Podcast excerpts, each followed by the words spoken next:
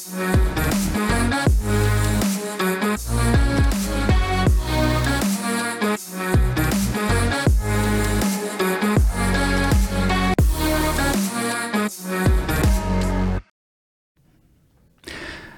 dobry. Układ otwarty ma rok. Sam nie mogę w to uwierzyć. W międzyczasie wysłuchaliście Państwo moich rozmów, których było ponad, albo niecałe, około 250. Wysłuchaliście ich 13 milionów razy. To naprawdę mm, przeszło wszelkie moje oczekiwania i jestem bardzo, bardzo szczęśliwy, że jestem tu, gdzie jestem. Tak bardzo szczęśliwy, że wbiłem się dzisiaj, jak widzicie, zupełnie inne ubranie niż zwykle, no ale jak świętować, to świętować. Będzie też szampan, o widzicie, jest szampan. Będą bardzo różni goście. Program, który sobie ułożyliśmy, ułożyliśmy będzie się zmieniał, ale mam nadzieję, że będzie ciekawie. Mm, bardzo chciałbym podziękować wszystkim tym, którzy mi pomogli w tym, żeby ten program e, mógł trwać, mógł wystartować. E, bardzo chciałbym podziękować Bognie, mojej żonie, która mnie w tym bardzo wspierała i która uwierzyła w to, że to e, pójdzie i zgodziła się na to, żebym wziął to ryzyko na siebie i wystartował do basenu, w którym nie było w ogóle wody i nikt, myślę, że większość ludzi nie wierzyło, że to się uda. Ja wierzyłem. Bogna, kochanie, bardzo ci serdecznie dziękuję. E, dziękuję wszystkim, którzy, którzy mi pomagali. Tych ludzi było bardzo, e, bardzo wielu. Będę mówił też o tym pewnie w trakcie, e, w trakcie programu. Bardzo dziękuję przede wszystkim Państwu, którzy słuchaliście, którzy byliście ze mną. I najważniejsze, dziękuję patronom, tym, którzy mnie wspierali, którzy od początku, a niektórzy później w ostatnim czasie. Będę o tym mówił, o tym, co nowego dla patronów przygotowałem w tym roku, w nowym roku Układu Otwartego. Mm, bardzo, bardzo wszystkim dziękuję. I pojawił się pierwszy taki ekstra e, patron, pierwszy mecenas, e, który będzie się u mnie e, pojawiał. Pokażmy go, proszę. Drogi Igorze, wraz z całym zespołem MW Kancelarii pragniemy gorąco pogratulować Ci tak dynamicznego rozwoju Twojego podcastu. W ciągu ostatniego roku poruszałeś bardzo wiele ważnych kwestii na polu politycznym czy gospodarczym. Dlatego wraz z całym zespołem jesteśmy niezmiernie dumni, iż już niedługo będziemy mogli współuczestniczyć w tworzeniu układu otwartego. Tobie natomiast życzymy jeszcze wielu rocznic i gratulujemy. No, coś się e, zacięło, ale nawet dwa razy usłyszeliście pierwszego mecenasa. Jeśli Państwo jesteście właścicielami firm, chcielibyście też zostać mecenasami, serdecznie Was do tego e, zapraszam. Podzielę się kilkoma, kilkoma rzeczami, które, które w tym roku e, zrozumiałem.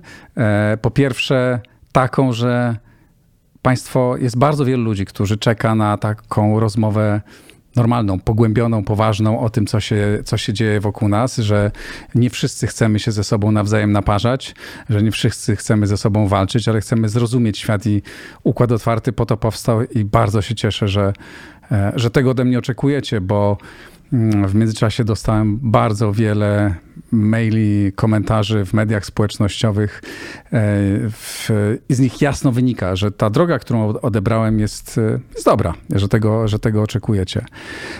To, czego zupełnie nowego się dowiedziałem, to jest to, że w tym zawodzie, który uprawiam, który nie wiem, czy jest jeszcze dziennikarstwem, bo jak część z Państwa wie, byłem kiedyś dziennikarzem, potem miałem przerwę, teraz wróciłem E, ale pracuję sam, nie pracuję w żadnej w redakcji. Ale to, co jest bardzo ważne, to jest kontakt, bezpośredni kontakt z państwem, ze słuchaczami, z ludźmi, którzy mnie słuchają czy oglądają.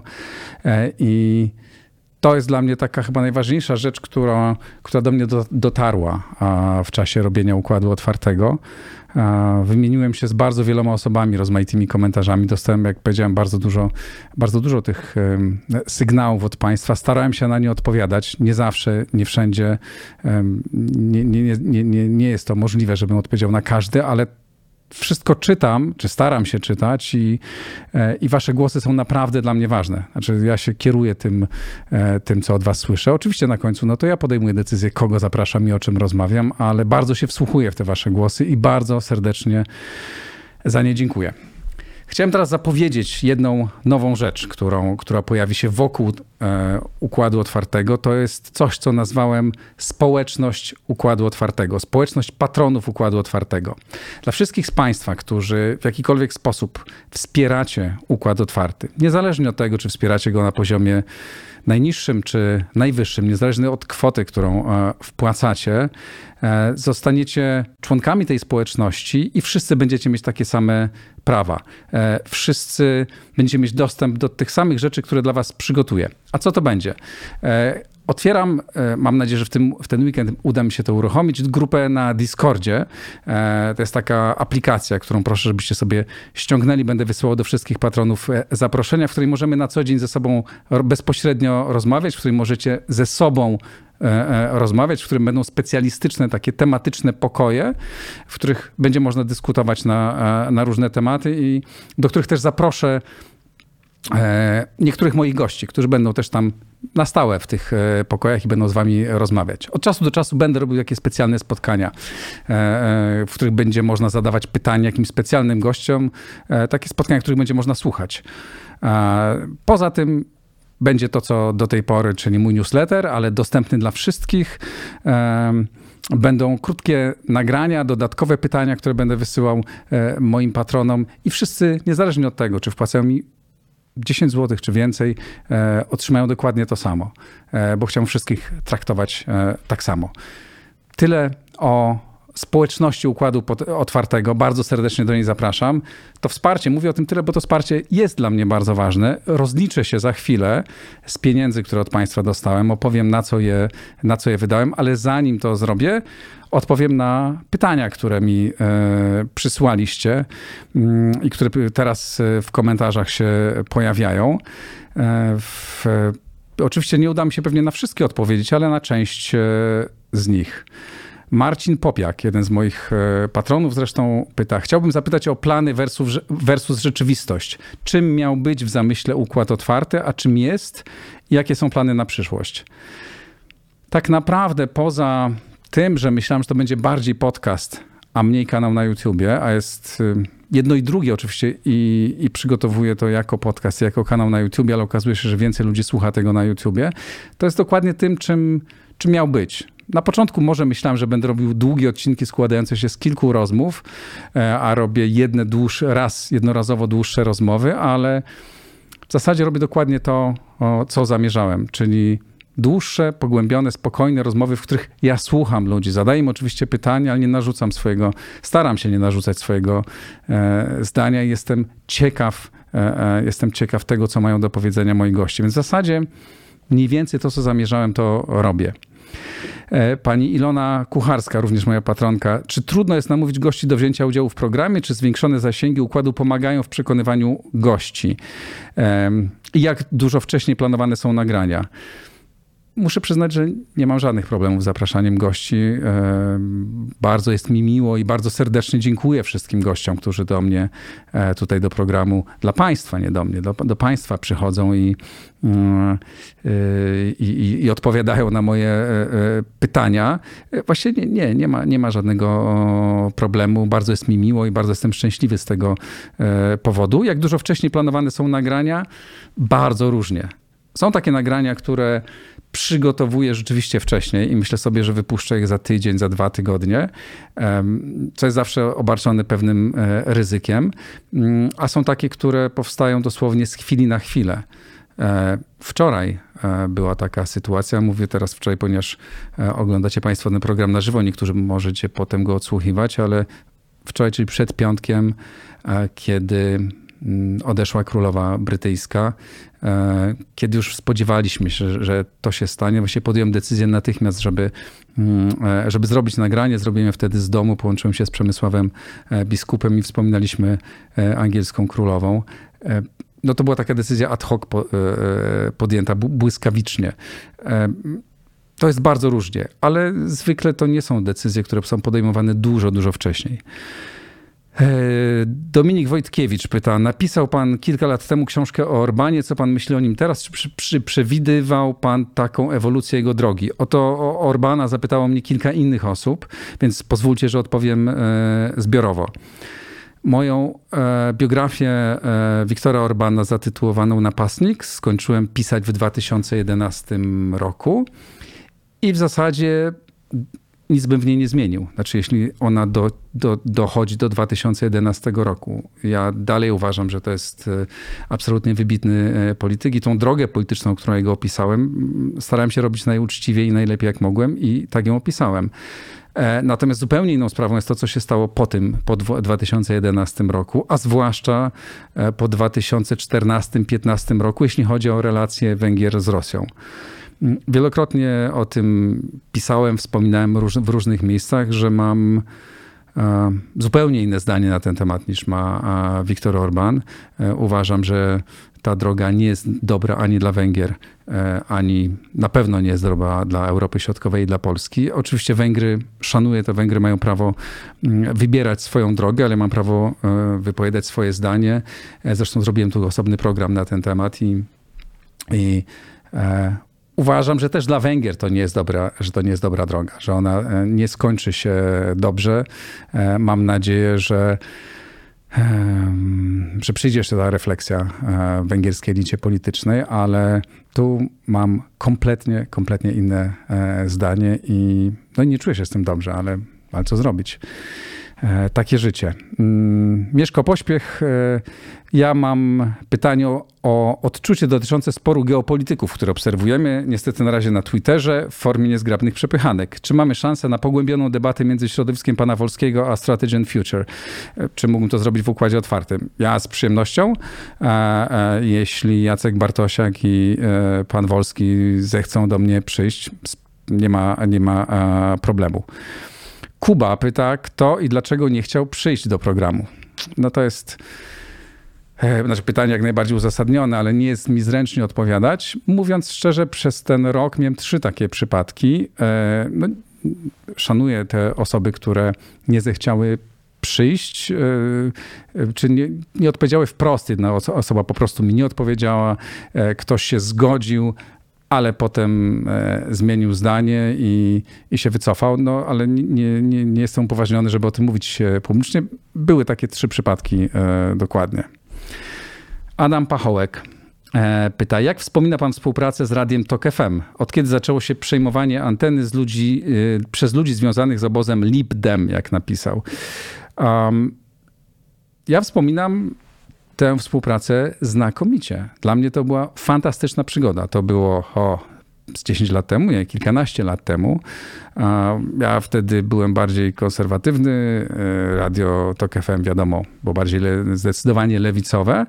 Mm, ja się czułem tam znakomicie, dlatego że czuję się świetnie w takich sytuacjach, kiedy jestem otoczony ludźmi, którzy myślą inaczej, ale którzy zachowują się fair wobec mnie. Tam muszę powiedzieć, przez trzy lata współpracy e, cała redakcja i wszyscy zachowali się bardzo fair. Miałem e, fantastycznych gości, miałem trójkę znakomitych komentatorów. Tam jest, pamiętacie, ci z Państwa, którzy słuchają, jest taka u Jacka Żakowskiego, to jest ta trzutka głośna ostatnio, mm, znaczy wiele razy była głośna. E, e, ta moja grupa, która powtarzała się, była uważam fantastyczna. To był zwłaszcza składało się z osób, które dzisiaj są kompletnie już poza światem publicystyki, poza jedną z nich, tą jedną, która dalej jest, to jest Bogusław Hrabota, redaktor naczelny Rzeczpospolitej, ale poza tym był Marek Magierowski, e, obecny ambasador w Stanach Zjednoczonych, a wcześniej w Izraelu, wcześniej rzecznik prezydenta i Bartłomiej Sienkiewicz, który wtedy był po prostu publicystą, teraz jest politykiem Platformy Obywatelskiej. Wspominam te rozmowy no, z wielkim rozrzewnieniem, były na niezwykle wysokim poziomie, były bardzo błyskotliwe, ciekawe. E, wszystkich chłopaków e, bardzo serdecznie e, pozdrawiam. Przygoda się zakończyła. No, mm, końcówka nie była zbyt piękna, ale puściłem już w, nie, w niepamięć. Pozdrawiam wszystkich tych, którzy ze mną pracowali wtedy w TOK FM. E, Michał Post, chciałbym spytać o kulisy programów publicystycznych i politycznych na YouTubie. Czy goście otrzymują honorarium, czy występują z, innych, z innej motywacji? Nie wiem o motywacje inne, można ich e, bezpośrednio zapytać, natomiast nie, nie otrzymują żadnego, e, żadnego wynagrodzenia. Proszę puścić wodze fantazji i podać imię i nazwisko wymarzonego, niekoniecznie żyjącego rozmówcę albo rozmówczyni. O to pyta Norbert Rzepka. Hmm. Miałem raz e, w życiu taką przygodę, że rozmawiam z prezydentem Stanów Zjednoczonych Barackiem Obamą e, dla Salonu 24. To była wielka, wielka przygoda. No więc chętnie porozmawiał oczywiście z prezydentem Stanów Zjednoczonych. E, najchętniej z nieżyjącym Ronaldem Reaganem. To byłaby pewnie wielka, wielka frajda. Z żyjących... Hmm. Myślę, żebym i to może kiedyś się zdarzy, porozmawiał chętnie z francuskim pisarze, pisarzem Michelem Welbeckiem. E, to tak. E, pewnie z Jensem Stoltenbergiem też bym chętnie e, porozmawiał, ale z Welbeckiem najchętniej.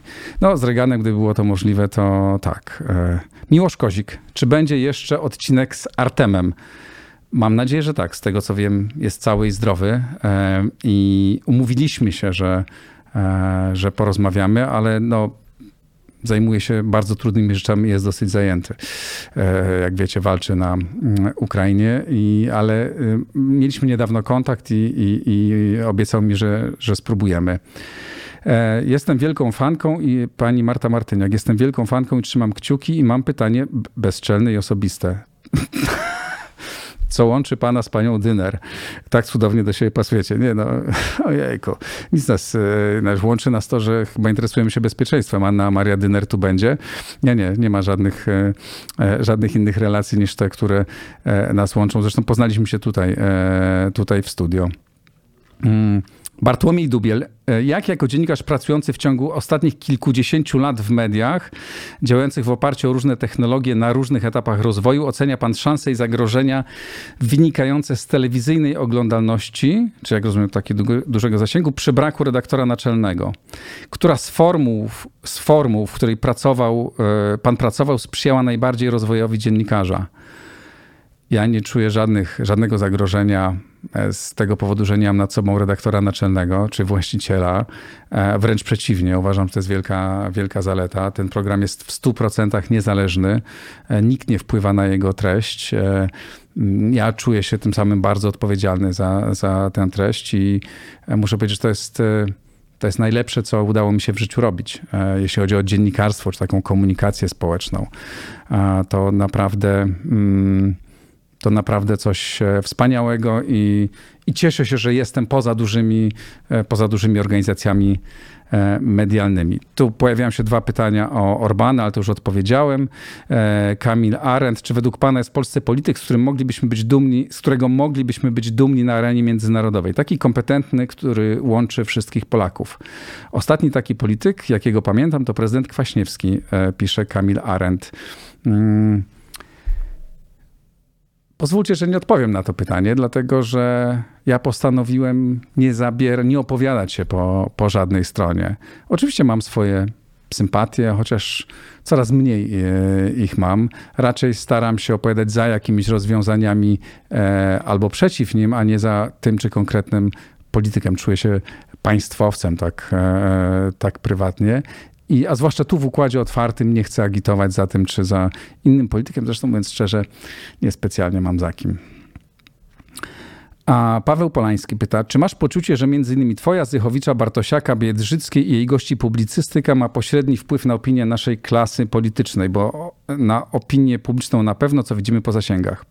Nie mam bladego pojęcia, czy mam jakiś wpływ e, na nich. E, ja ten program robię dla państwa, e, nie dla polityków. Oczywiście wiem, że politycy słuchają tego, bo czasem nawet dostaję jakieś miłe głosy, ale mm, staram się na nie nie, nie reagować. Oczywiście, jeżeli ktoś posłucha, coś zrozumie, super, ale nie jestem jakimś przesadnym optymistą. Soso Spaceship Chciałbym poznać bliżej pana Igora, dowiedzieć się, co robił przed prowadzeniem podcastu, gdzie pracował i która praca dała mu największej satysfakcji i spełnienia. O Boże, no niestety nie mam już 20 lat i pracowałem długo. W telegraficznym skrócie e, pracowałem przez 20 lat jako dziennikarz, właściwie od reportera do e, redaktora naczelnego. Mm, dużą część życia spędziłem w życiu Warszawy jako reporter, potem jako szef działu kultury, e, jako komentator to już chyba w życiu Warszawy nie. Potem byłem, taką miałem ważny moment w moim życiu zawodowym, byłem redaktorem naczelnym Polskiej Agencji Prasowej przez 5 lat. E, to było fantastyczne i bardzo duże doświadczenie. Potem byłem przez 10 lat mniej lub bardziej związany z Rzeczpospolitą. Prowadziłem programy między innymi w TOK FM, o czym była mowa w, e, w TVP, prowadziłem w Polsat News 2, później w Pulsie, w telewizji Puls. Miałem takie różne etapy życiowe. No, założyłem Salon 24, który potem moja żona przejęła i prowadziła. Ja go założyłem z Radkiem Krawczykiem. To było też bardzo duże i bardzo ciekawe e, doświadczenie. Potem w 2012 czy 2013 roku zrezygnowałem z dziennikarstwa, pracowałem w PR-ze przez kilka lat. Zawsze można pytać, postawić to pytanie, czy po pracy w PR-ze dla biznesu jest powrót do tego, co ja dzisiaj robię. E, myślę, że dzisiaj dziennikarstwo jest na, i w mediach się dzieją tak różne rzeczy, że stawianie tego pytania dzisiaj już w zasadzie nie, mm, nie ma sensu, bo, bo w mediach też się dzieją różne rzeczy. Ja staram się robić tak bardzo uczciwie i transparentnie to, co dzisiaj robię, jak tylko możliwe. Państwo sami możecie to e, ocenić. Ale uważam, że ten okres pracy w biznesie dał mi bardzo dużo, bo mam i trochę inną perspektywę. I wydaje mi się, że widzę więcej. Poznałem, pracowałem dla kilkudziesięciu różnych firm i zobaczyłem też rzeczywistość od drugiej strony. Lepiej rozumiem, jak działa e, biznes i wydaje mi się, że to jest bardzo ważne doświadczenie. E, może jeszcze ze dwa, trzy pytania. Jeśli nie odpowiem na wszystkie, to postaram się to zrobić e, innym razem, bo dzisiaj, jak wiecie, jest, czeka tutaj sporo gości. Też nie chcę Państwa, nie chcę państwa zanudzić. O, mm, jeszcze z jakieś pytanie. Mm-hmm. Tu są w, Dlaczego, a, dlaczego nie ma map przy generale, przy, przy, programie z generałem Skrzypczakiem? Pojawiają się, no, ale nie takie ruchome. Jak będziemy mieć więcej możliwości technicznych, to to, e, to, to o, zrobimy. To jest też pytanie moje doświadczenia bardzo osobiste z przeszłości. O, zadaje jedna pani. Mm, ale pozwólcie, że na to pytanie nie będę odpowiadał. Dotyczy mojego przeżycia, o którym publicznie opowiadałem kiedyś w programie Jana Pospieszalskiego 20 lat temu, kiedy straciłem rodzinę, ale chyba nie jestem gotów, żeby dzisiaj o tym e, rozmawiać. Może przyjdzie dobra okazja. To było dramatyczne, bardzo trudne doświadczenie, ale jakoś z tego wyszedłem. Mm, o. E, to tyle. Skąd dobra znajomość z Jackiem Bartosiakiem i czym pan się zajmował e, przez swoje życie, e, gdzie pracowałem, a no to już opowiadałem, gdzie pracowałem. E, skąd znajomość z Jackiem Bartosiakiem? Nie znam się aż tak bardzo dobrze, ale, ale oczywiście znamy się. Chyba się poznaliśmy przy okazji szkoły przywództwa, którą e, prowadzę, w której Jacek Bartosiak prowadził zakła nie zakłady, tylko wykłady. Tam się poznaliśmy i, mm, i tak zaczęło się nasze, nasze kontakty. O, jedno pytanie. Skąd pomysł na taki kanał i nazwę Układ Otwarty? No, pomysł stąd, chciałem opowiadać o rzeczywistości w sposób taki bardzo, e, bardzo e, pogłębiony, e, ponad podziałami i nazwa Układ Otwarty jest bardzo ważna. Długo myślałem, nie mogłem wymyśleć dobrej nazwy programu. Zamęczałem moich przyjaciół, których pozdrawiam. Mam nadzieję, że wytrzymaliście tam te moje ciągłe nękanie o to, żebyście wymyślili, pomogli mi wymyślać albo oceniać rozmaite nazwy. Było ich bardzo wiele pomysłów, aż w końcu gdzieś się pojawił ten Układ otwarty. Układ otwarty był oczywiście opozycją wobec układu zamkniętego. E, e, nawiązuje do filmu, który, e, który pojawił się ileś lat temu i był bardzo, bardzo głośny. Układ otwarty to jest właśnie taki, takie miejsce, w którym nic nie jest zamknięte, gdzie mogą przyjść bardzo różni ludzie, gdzie mogą wypowiadać bardzo różne poglądy, różne opinie i w którym szanujemy się nawzajem. To jest układ otwarty. To może tu postawię kropkę